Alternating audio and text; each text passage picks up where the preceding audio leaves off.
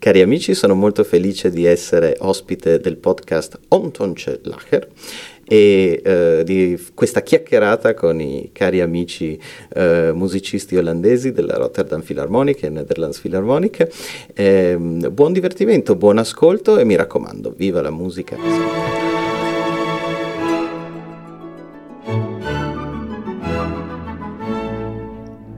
Wat is het verschil tussen God en een dirigent? God weet dat hij geen dirigent is. Bij opera snap ik dat best. De Champions League van het dirigeren. Het hele scala komt daar samen. Opera is Italiaans meervoud voor werken. Veel werk dus. Maar als wij La Traviata van Verdi spelen onder de bezielende leiding van de Italiaan Andrea Battistoni, gebeurt er iets heel erg moois. Vanaf de geboorte van opera in Florence zijn we met iets meer dan 200 kilometer rijden in Verona, bij de wieg van Battistoni. En dan is het nog slechts 100 kilometer naar Roncole Verdi, de geboorteplaats van Giuseppe Verdi. Deze route blijkt gewoon een Italiaanse pizzapunt op de kaart te zijn. Het is erg verleidelijk, maar de workshop pasta gerelateerde woordgrappen komt vandaag helaas te vervallen. Want met die ite pasta en de playfasta zou ik Battistoni toch echt veel tekort doen. Pizza Traviata bestaat namelijk uit orkest, koor, solisten en toneel. Dat er in deze uitvoering geen dans is, komt nu wel even goed van pas. Want in het koor komen de sopranen voor de dirigent en de alten voor de gezelligheid en de bassen komen voor de alten. En het orkest zit onder het toneel in het donker in de bak waar de amaretti-koekjes en Bacci Perugina, de opera, het werk, vergemakkelijken. Maar zoals de liefde in de pan de glimlach is aan tafel, zo appassionato dirigeert onze papa di gnocchi grande maestro Battistoni deze ingrediënten tot een goddelijke smaak en beleving. Grazie mille, Galat eh, Samson. Uh, welkom, dames en heren, ladies and gentle peoples. Goedemorgen, middag, avond, nacht, wanneer je ook maar op play hebt gedrukt. Fijn dat je luistert naar uh, de orkestpodcast Een Toontje Lager. Vanuit de Nationale Opera en Ballet komt er een bomvolle aflevering naar je toe. Wat staat er op het menu vandaag? Nou, we trappen zo meteen af met een stelling die gaat over dirigeren op televisie. Dan pareltje gevonden in 60 seconden. Wim, jij opent je schelp en laat zien welke parel daar schittert in het zonlicht. Voor de rubriek De Solistenkamer spreekt Pierre met Chris Segers, winnaar van een televisieprogramma Maestro. En uh, dan een echte maestro aan het woord. No offense, Chris. Um, in uh, de rubriek Nu even serieus spreken we Andrea Battistoni, die La Traviata dirigeert bij het Rotterdamse Philharmonisch Orkest. En uh, tot slot uh, neemt Wim met ons nog even het nieuws door in Orkest Insight. Alle nieuwtjes die we wel en niet willen weten.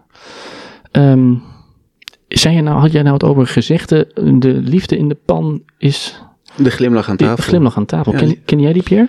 Nee, Nee, nee, nee, nee, maar ik stop ook niet heel veel liefde in. in de pan. Zeggen, hangt wel vanaf wie er gekookt heeft. Ja.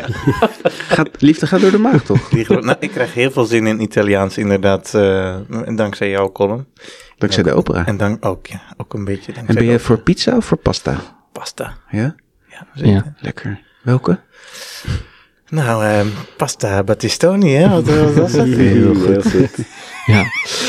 Jongens, we moeten het hebben over dirigeren op televisie, want uh, het televisieprogramma Maestro is afgelopen. Moet ik nog even uitleggen waar het over gaat? Nee? Ja, oké, okay, doe ik toch. Um, zeven BN'ers Voor de fans, hè, want er waren heel veel fans. ja, ja, ja, zeker. Vooral nee, in de orkestwereld. Heel veel. Zeven BN'ers gaan de strijd met elkaar aan. Wie kan het beste een orkest dirigeren, waarbij er na een afvalrace één winnaar de felbegeerde gouden baton meeneemt. 1,8 miljoen mensen keken naar de finale. Zo. Een kijkcijferhit van je welste. En om me heen hoor ik uh, voor- en tegenstanders. Um, dus ik wil even jullie vragen. Is, uh, is dit televisieprogramma een verrijking voor de klassieke muziek of niet? En jullie hoeven daar echt niet zwart of wit op te antwoorden. Fifty Shades of Grey mag ook. Jullie zijn genuanceerde jongens. Zeg maar. Zwart. hey, uh, Jij bent de enige die meegedaan heeft. Dus ik, ik heb uh, dit festijn meegemaakt en het was, ja, Verrijking? Of? Verrijking. Ja, wat vind jij, Pierre? Ik heb veel lol gehad. ja, dat zagen we. Is dat een verrijking? Jawel, toch een beetje wel. Nou, in, in inhoudelijke zin is het misschien geen verrijking. Maar... Nou, het amusement, omdat natuurlijk mensen voor de, op de bok staan die normaal gesproken niet dirigeren, gaat er, loopt, het, loopt het geregeld in de soep. Dus het amusementsgehalte uh, is vaak hoog. Ja, precies. Ja. Dat is op zich ook al toch goed. Ja, en, dat, en dat is tegelijkertijd ook eh, vaak de, de kritiek. Ja. Kan het? Nee, ik vind het eh, niet zo leuk. Ik vind het wel leuk om naar te kijken, maar toch vind ik het niet zo leuk. En dat Hmm. komt doordat het ehm, heel veel mensen er naar kijken. En dan vooral heb ik het idee ook heel veel mensen die eigenlijk niet zo goed weten wat ik voor werk doe. En dan kijken ze hiernaar en dan vormen ze zich een beeld. Maar dat heeft niet zoveel te maken met het werk wat ik doe. Nee. Want ehm, ik, ik, ik moest denken aan een ehm, uitspraak van Anthony Hermes.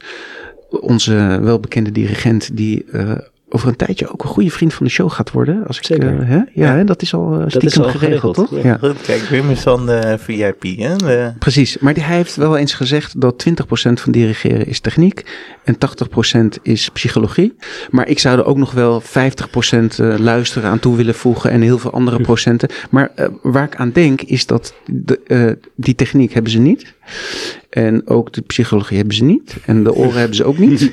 Dus wat je eigenlijk ziet is mensen in een hele ongemakkelijke situatie. En dat is leuk om te zien in een wedstrijdelement. in een wedstrijd. En dan wordt er ook nog aan het orkest gevraagd, aan jou, eh, als ik het goed heb begrepen, dat ze vooral moeten doen wat, eh, wat ze zien. Ja. Dus je hoort eigenlijk ook niet de maximale potentie van de muziek die van zulke grote schoonheid is. Dus eigenlijk vind ik het een enorme downgrade van onze kunstvorm. Ja. Pijnlijk, jongens. Hey, Wim? verdorie. Wim, hoe denk jij erover? Nou, ik kan, eh, ik kan het wel volgen wat Gala zegt. Maar ik kan ook de andere kant volgen, Pierre. Kijk, daar ga ik weer. Ik ben een tweeling, hè. Ik zit hier te zweten. Nee, nou, het is een beetje. Ik moet een beetje denken aan de kwestie die jaren geleden speelde bij eh, de grootste ondernemer van Nederland, André Rieu. Eh, die het walsje van eh Shostakovich wereldwijd bekend gemaakt heeft bij heel veel mensen. En ja, je hebt altijd een beetje de kwestie: wil je dat mensen die nooit kennis eh, van klassieke muziek eh, nemen, eh, toch in aanraking komen met iets van klassieke muziek?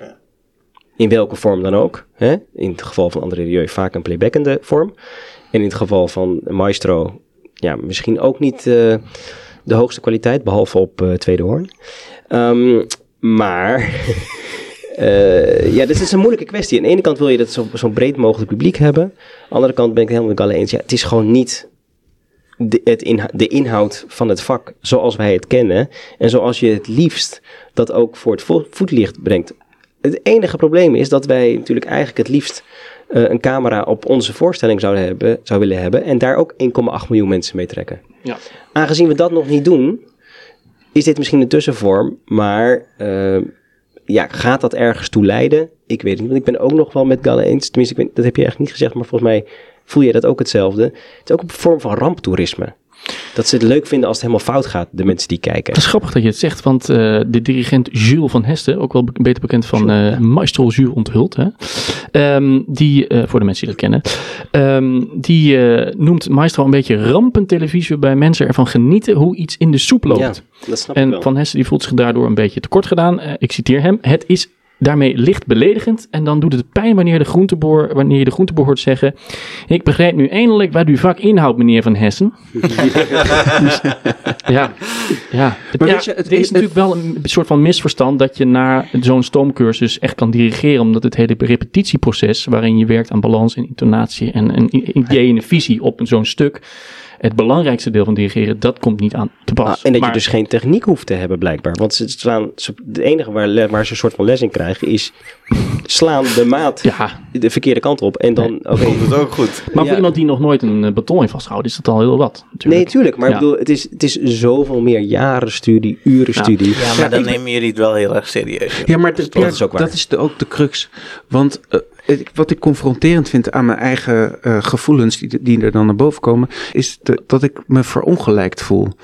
En dat Ja. heeft dus te maken met dat mijn passie, wat ik voel bij die muziek, ik zie het als een hogere kunstvorm. En de vraag is dus ook of dat voor iedereen is. Heel goed dat je dat zegt. Maar ik noem ook even twee dingen in andere sectoren waarbij eh, een soort gelijk, eh, het, het zal het nooit vervangen. En, en, en als je het naast de muziek plaatst, dan komt het inderdaad niet in de buurt. Maar net zoals voetbal heb je ook eh, benefietwedstrijden, of je hebt ook van die plezierwedstrijden, hè, vriendschappelijke wedstrijden noemen ze dat, waarbij voetballers echt voor een plezier voetballen en de allermooiste trucs uithalen. En dat gaat nooit om een goal maken. Ja. Dat is mooi. En Ja. bij tennis heb je ook van die, Ja. ja. hoe noem je dat, wedstrijden, play. eh, Ja, dit is voor, voor een goed doel bijvoorbeeld. ja, maar gewoon ook echt om het plezier. En, Ja. en eh, hebben ze twee ballen en het is lachen, gieren, brullen. En het publiek wordt echt alleen maar vermaakt. En- Ja. En als je dat vergelijkt met hoe eh, Roger Federer tennis, ja, dat, dat komt nooit in de buurt. Nee, je hebt gelijk. We- dat is ook ons probleem. We nemen het vaak veel te serieus. En ik, daar, daar hoop ik voor jou nog. Da Ja, dank dus- je wel hiervoor. Want je hebt, ik weet ook dat je gelijk hebt. Maar dat, die balans is gewoon lastig voor ons. Nou, en toch weer die 1,8 miljoen mensen. Ik zit nu, hè, nu jullie zo luisteren, Ja. toch genuanceerder. Dat komt ook omdat jij zo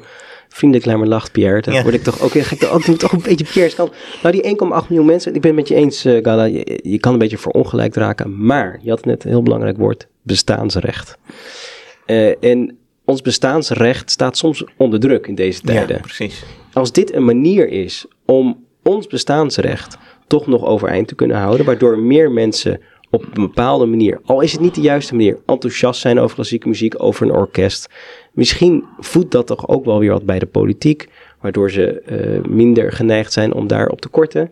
Hè, er zitten ook wel voordelen aan die, die Ja. misschien uiteindelijk door kunnen werken, gewoon aan steun. Ja, aan, algemene steun van, Begrip. van, ja, het, ik, van ik, het volk. Dat is het gekke. Ik denk dat, je- dat je hierin geen gelijk hebt. Maar ik kijk toch.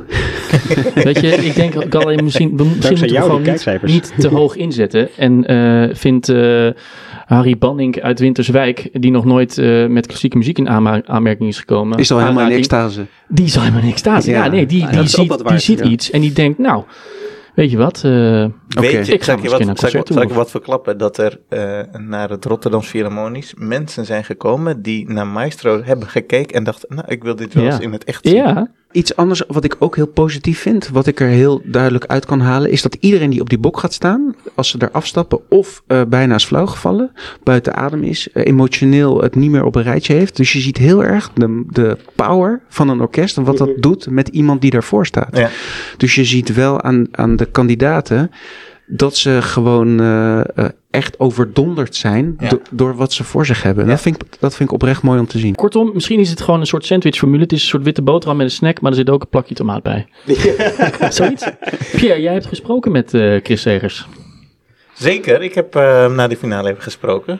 Zullen we er even naar luisteren? Is, Chris? Zijn, we al, zijn Ja. we al in de solistenkamer? We zijn, eh, zullen we dan even naar de rubriek de solistenkamer? Ja. Chris Segers die kan voortaan als hij eh, voor drie op reis zijn koffertje meeneemt, zijn gouden baton meenemen. En eh, jij hebt hem eh, gesproken Ja. na afloop van de finale.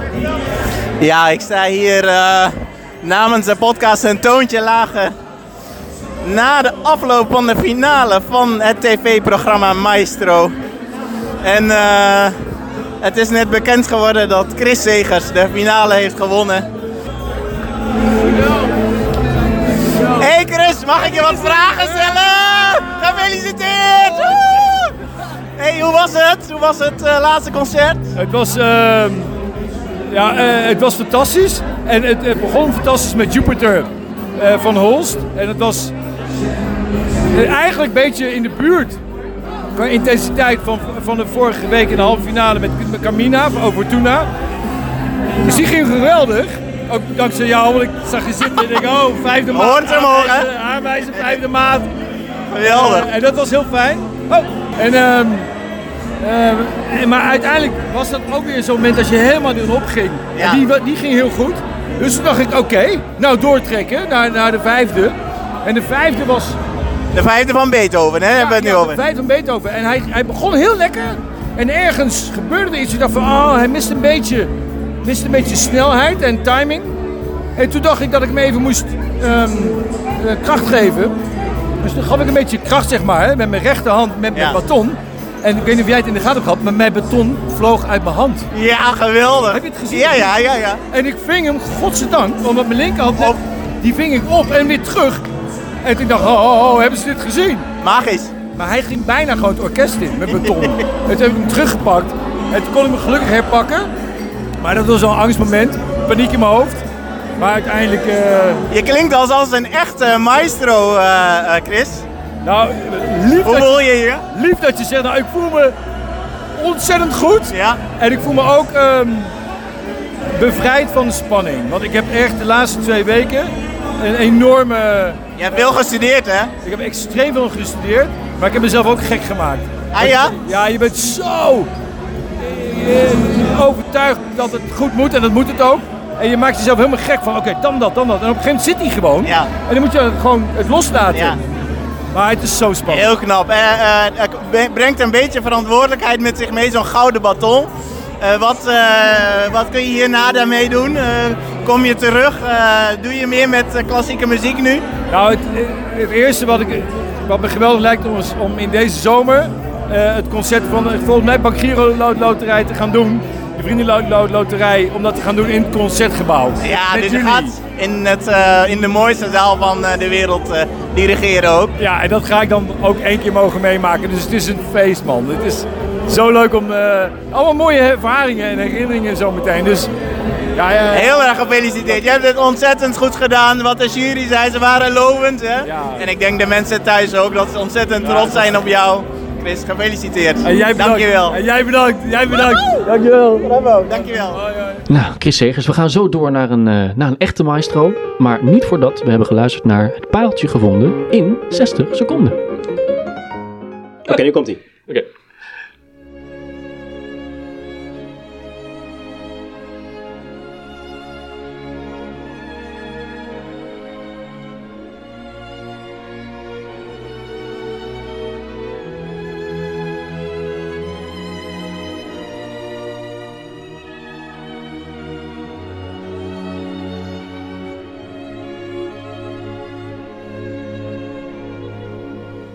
Ultieme rust. Verlangen we daar allemaal niet eens naar? Niet alleen de jonge papa's die wij zijn met te weinig slaap. Rust in het zijn, rust in het hoofd. Eén moment dat de wereld even helemaal stilstaat en alles zich in slow motion lijkt af te spelen. Geen social media, geen TikTok, geen polarisatie, geen conflicten, geen oorlogen. Slechts pure schoonheid. Schoonheid die recht het hart ingaat. Geen discussie mogelijk. Misschien geen muziek bestemd vlak voor het slapen gaan. Of toch juist wel? De symbiose tussen viool solo, orkest en stem is ultiem. Geniet van deze legendarische opname met Jesse Norman en het Gewandhaus Orkester uit 1983. En zet je hart volledig open.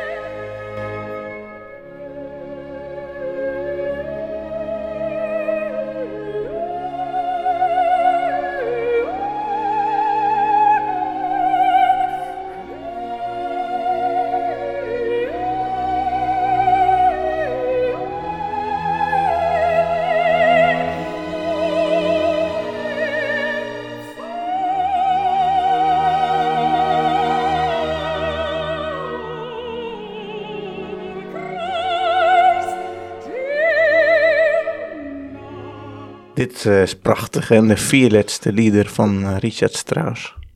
Wim? Ja, ik, ik wil dat zo graag iets van Strauss laten horen. Mijn, ik denk toch favoriete componist om te spelen en ook om te luisteren. Ja. Is echt, als je denkt eh, Strauss, uh, Heldenleven, eh, Zarathustra, Don Juan. Maar ook, zoals ik al vaker heb gezegd, Rooskavalier. Oh ja. Hey, en wel voor het slapen gaan of niet? Wat doe jij dan? Ja, het probleem is, als ik hiernaar ga luisteren, dan val ik niet in slaap. Moet je huilen? Waarschijnlijk wel. Ja. Ja. Nou, hu- huilend in slaap vallen is ook wat waard, toch? Oh, dat is heerlijk. Jullie zijn erg, jongens. Eh, het- het- het- was klaar, tijd, voor, tijd voor serieuze dingen, want... eh, ja. Tijd voor. Nu even serieus.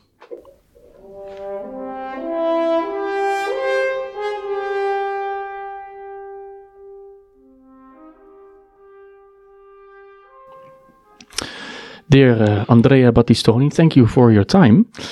Um, you're conducting La Traviata uh, in this uh, this period with the Rotterdam Philharmonic Orchestra.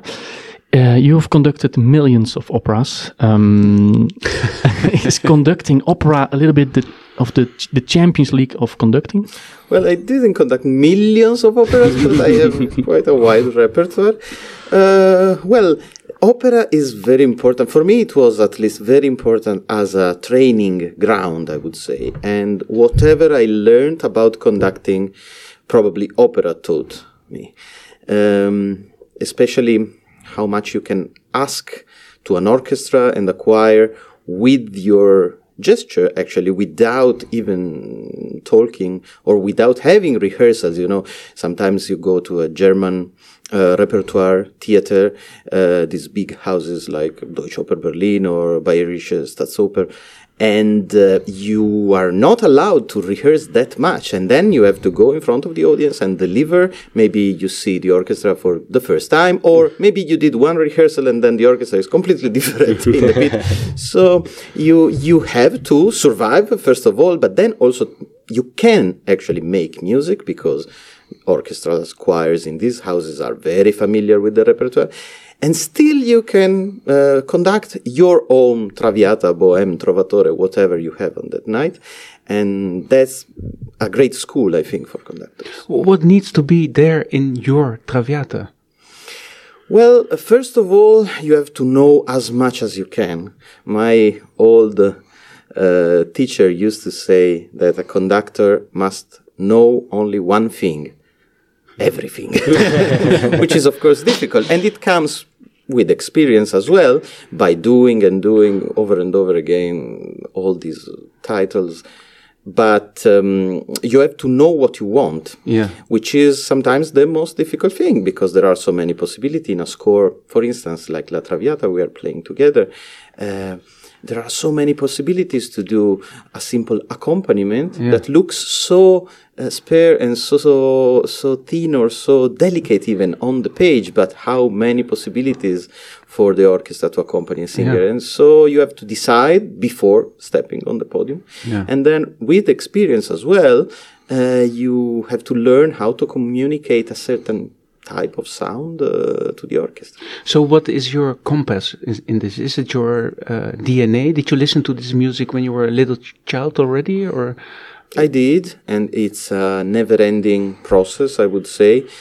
Now, I very much like to listen to recordings as well, and the older the better, you know. We do have recordings from the 20s, from the 30s in the 20th century, I mean, and um, which are actually closer to the composers themselves. When you talk about Puccini, sometimes you have operas that were recorded or arias that were recorded in his lifetime. So you can get much inspiration on the performance practice itself and also from the vocal performance practice from these recordings. And uh, and then you research of course you try to put your hands maybe even on autographs when you are allowed to, to try to detect it's a little bit of a detective business you have to detect Yeah. uh, all the possible hints that can lead you to uh, to an ideal performance And if you listen to these old recordings, what do you get out of it? If you Well, you get uh, first of all a certain idea of tempi, quite clear, uh, a certain idea of sound and a tradition. Um, especially, it's interesting to see uh, how words, the libretto words, and the orchestra sound can melt into a unity, can be extremely expressive. How the orchestra used to be and can still be, of course, one more character in the play, not just mere accompaniment to the singers. I also have a question about this uh, modern times because we are now talking about the score and the music and the way you, you, you live the score in a way. That's what we feel, feel at least. But we also have uh, like staging. And uh, I can imagine it must be difficult for you to have the like the staging, which is sometimes modern or Oh, yes. maybe different. Yeah. And how, It's- how it's do you deal with that? Yeah. It's a challenge nowadays, I have to say.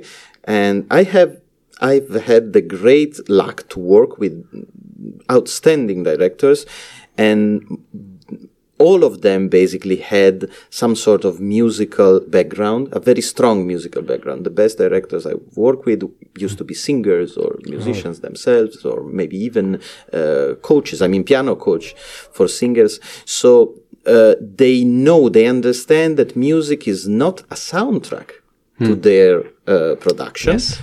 but it's actually the uh, inner secret director of the performance themselves.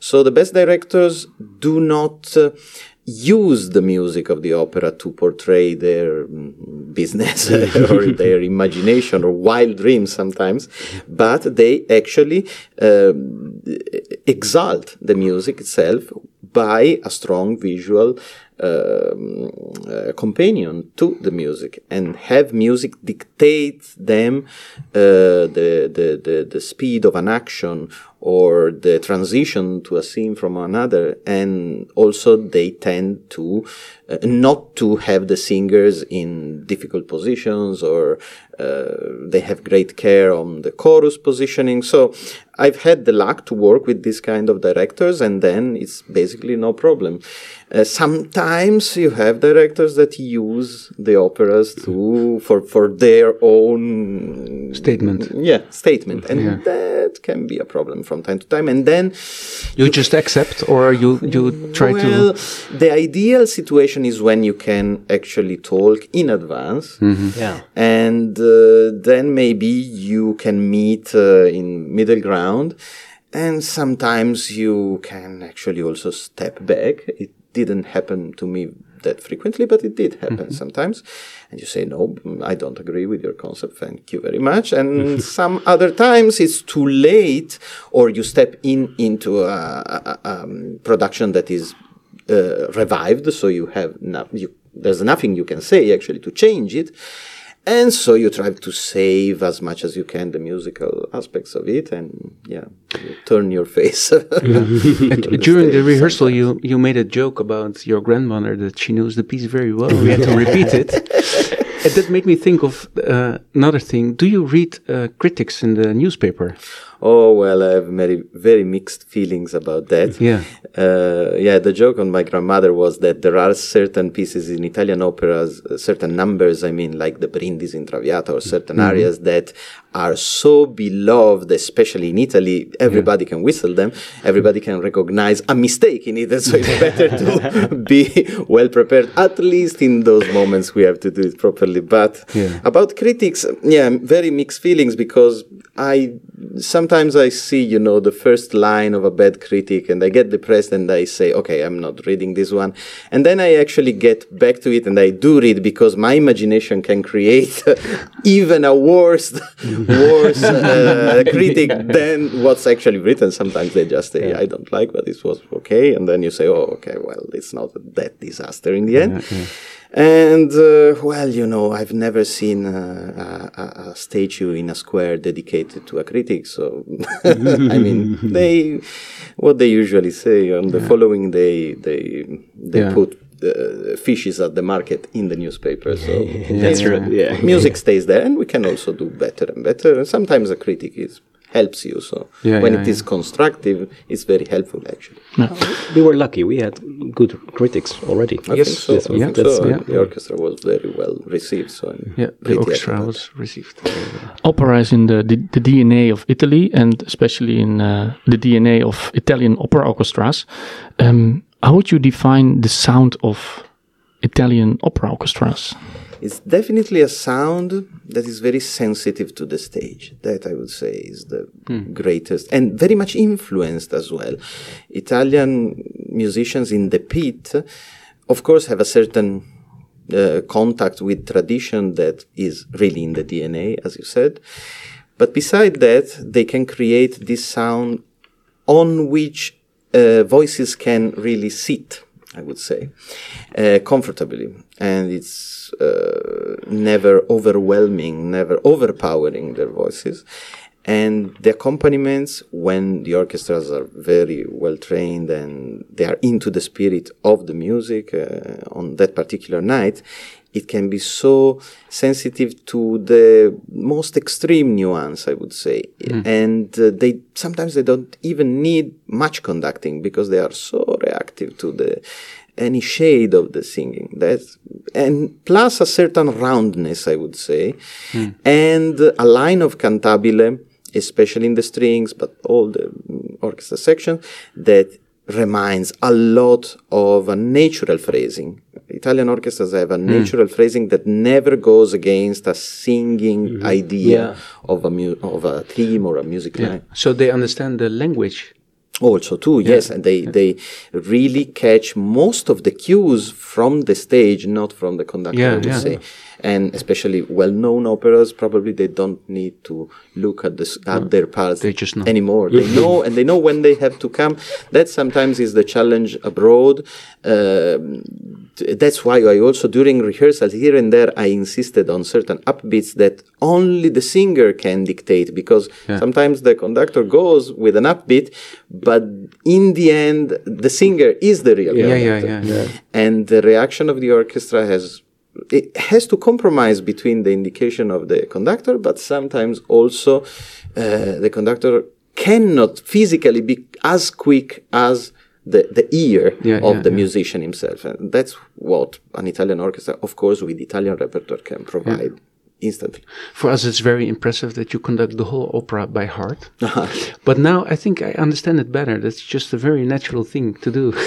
Well, I like to conduct by heart very much. I guess we have all these um, nightmare of Toscanini that started doing it, and then all of Italian conductors try to go the same path. Well, we try. To, he is the grandfather of all of us, so Yeah. we Yeah. try to be uh, to be in his footsteps as Yeah. much as we can. But especially with opera, I find it very helpful, and uh, because you can have your focus hundred percent on the stage first of all, and then the time, the reaction time, even when something goes wrong.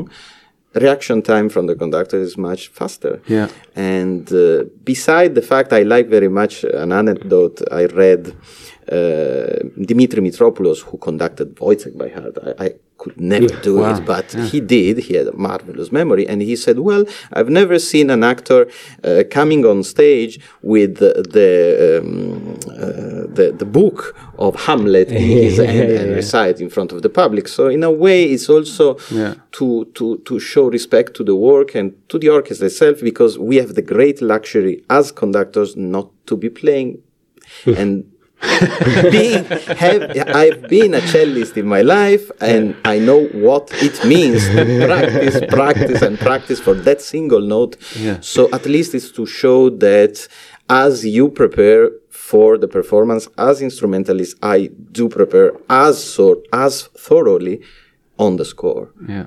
And You do it quite often. I, I remember that I went to a performance of La Bohème Oh yes. uh, in 2017 already, when you did it here with uh, the Residency Orchestra, and it was so uh, well. I was I was in shock how how good it was actually because I I've heard uh, La Bohème many times, and uh, of course one of my favorites. And I was like, oh, who's this conductor? It's the first time I saw you. yes. It was my first time here in Amsterdam. That's that's what I heard afterwards, and everyone was so pleased with you. And then the first thing, also the orchestra members told me he was conducting everything by heart. and now you came with us finally six years later. I'm very pleased that we that you are with the, the Rotterdam Philharmonic at the moment. And then the first uh, uh, performance you also did by heart, and everyone was doing the same. Oh, he's doing it by heart, and I thought, yeah, I think that's his signature. Well, in it's, in it's, way. it's it's in the end it's nothing special because they, they don't change the opera overnight. It's there. it's there once you know it, and you have, of course, I would never dare to do something that I don't know. Really Yeah, note really by well, note yep. and really well. And most of the time, I don't actually do it if I'm doing a debut of an opera. Sometimes I just keep it there. Maybe I don't look at it, but it's safer. I would never risk to have a bad performance for a lapse of memory. But with Traviata, after so many performances, And how about symphonic concerts? Yeah, I was thinking, Oh, is, uh, is it more challenging for you, t- or is it? Uh, yeah. No, actually, symphonic music is my first love. Okay. And coming from the cello, I've played a little bit in orchestras, and uh, it, it was love at first sight. At first sight, with the great symphonic repertoire, especially Tchaikovsky, Rachmaninoff. The romantic repertoire is really something that I deeply, deeply, I'm deeply in love with. And uh, actually, coming, as we said, from the training ground of opera, symphonic music, in a way, is a lit, a little bit easier in the way that you have just the orchestra in front of you, and you can manage much more personally the the, the, the path of the of the performance itself.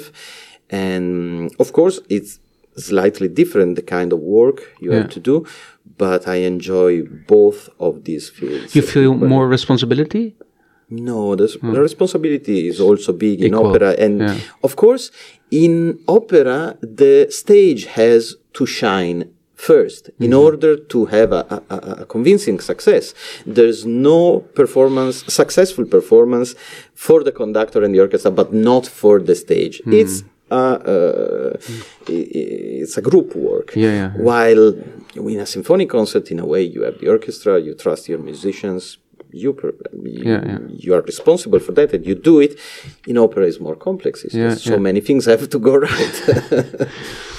You are a conductor, you are also a composer, and you wrote a book called Music is Not for Old People. Not just for just That's a, that's, That's a bit dangerous. one word, One word. one huge word. difference. Why, why did you write this book? Well, it was already 10 years ago, and I was starting uh, conducting, especially in Italy. And uh, it was a little bit of a curiosity of such a young conductor at the time. But it was the time where there were many, many very young conductors around. It was the time of uh, Dudamel starting and so many others. So it was the fashion of baby conductors, let's say. so I had the good luck to be in this wave and start pretty soon and but I've always felt um, a little bit of responsibility because in Italy, you know, music education now is much better than what it used to be 10 years ago. But I had just finished my studies both at the conservatory and in high school. Uh, and I noticed that there was a lack of focus on music history, um, music in general, really. And especially my generation and even younger uh, kids were completely far away from music. But I felt, especially during my teenage, that classical music and opera were really helping me to understand myself better. And they were helping me as a school for feelings and emotions. Mm-hmm. And so in that respect, I, I've always liked to, to, to write. And if I was not a musician now, I would probably be a writer of, of mm. some sort. So I just say, let's try to communicate some of this passion I have for this hmm. kind of music. And let's try to show that even young people can appreciate it and actually really live it with their whole soul. Yeah, fantastic message. I think this is one of our goals with the podcast. Actually, also to to show people that it's not only for not only just for old people. Oh, we, we need definitely. influencers. Yeah, ah, Yes, You are way, a yes. Influencer. well, I don't know if I'm an influencer, but for sure, I I try to communicate, especially when I'm on the concert platform or in the pit, all the, the deep love that I have for this art form. Yeah. That is a difficult art form because you know it's it's expensive in the way you need so many people to Yeah. do it, but it's not just for a general sense of culture and. Uh, yeah, to, to, to put a nice suit and go to the theater. It's really enriching our lives. It's more than entertainment. Much more. Yeah. There is a huge part of entertainment, Yeah, but yeah, much yeah, more. yeah, yeah. Andrea Battistoni, thank you uh, for sharing your thoughts. Um, enjoy uh, the concerts. Good luck. Thank Traviata. you. Indeed, I will. Thank you so much. Thank you. Thank you. My pleasure. Nou, wat een fijne maestro. Jongens, dat kan wel eh, goed praten ook. Ja. Duidelijk, hè? En, hij- en, en met zijn boodschap is hij natuurlijk ook een ambassadeur van de klassieke muziek. En, Ja. en net als wij, dus hij zou eigenlijk perfect... Hè? En ja, voor jonge mensen ook. Inner voice heeft hij echt. Ja. Door naar het nieuwsoverzicht. Orkest Insight, want Willem weet het.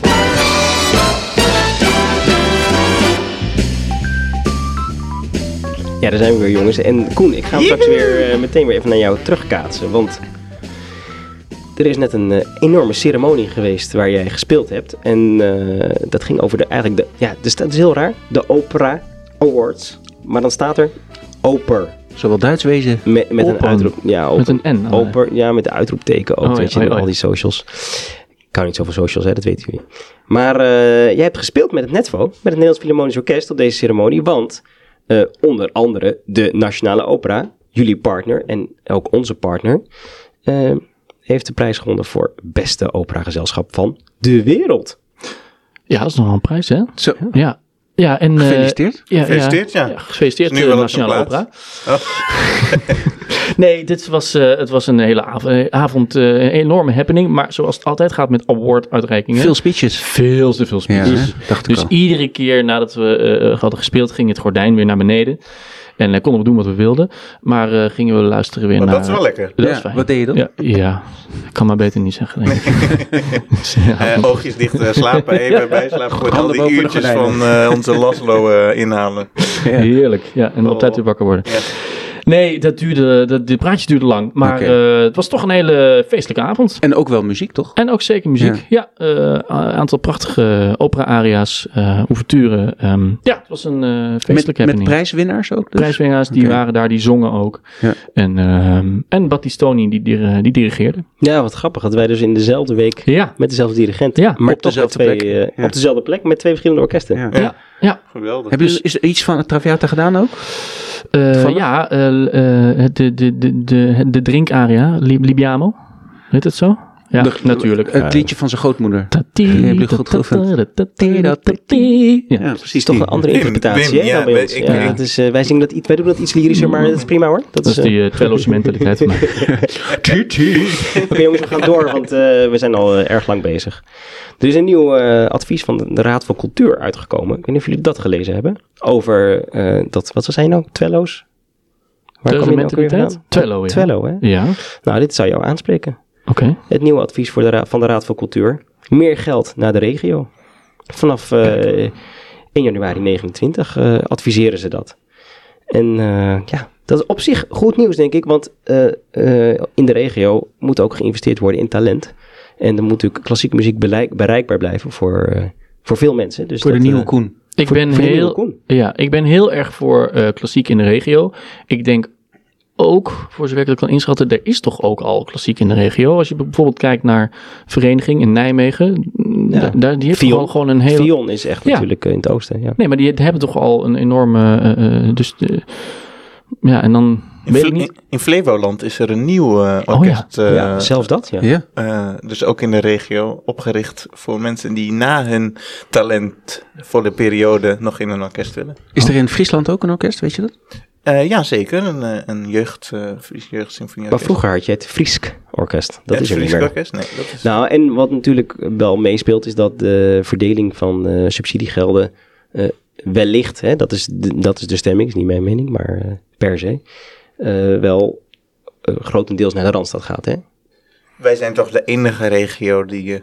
Kijk, ik denk, ik, ik, ik denk zelf, eh, jongens, het maakt me niet uit, we moeten meer geld in cultuur krijgen, zeker. want we hebben inderdaad wel één regio. Nederland is zo klein. ja. Eh, blijf gewoon investeren in, in cultuur in Nederland. En ga niet denken, er moet minder naar de Randstad en meer naar, naar de regio. Wat, wat zeggen, ook zegt is... meer naar de regio en meer naar de Randstad. Ja. Gewoon meer. Ja. Ja. Gewoon meer samen doen. Nee, Wat- dat zeg ik niet. dat zeg ik niet. Wat, nee, dat zijn wat, wat is Tony daarover? Nee, maar nou, nou, nou, soms wel. Ja. Hè? Soms kan het wel. Ik, ik, kijk, er is bijvoorbeeld eh, bij Fion en eh het Rotterdam Philharmonisch een samenwerking geweest.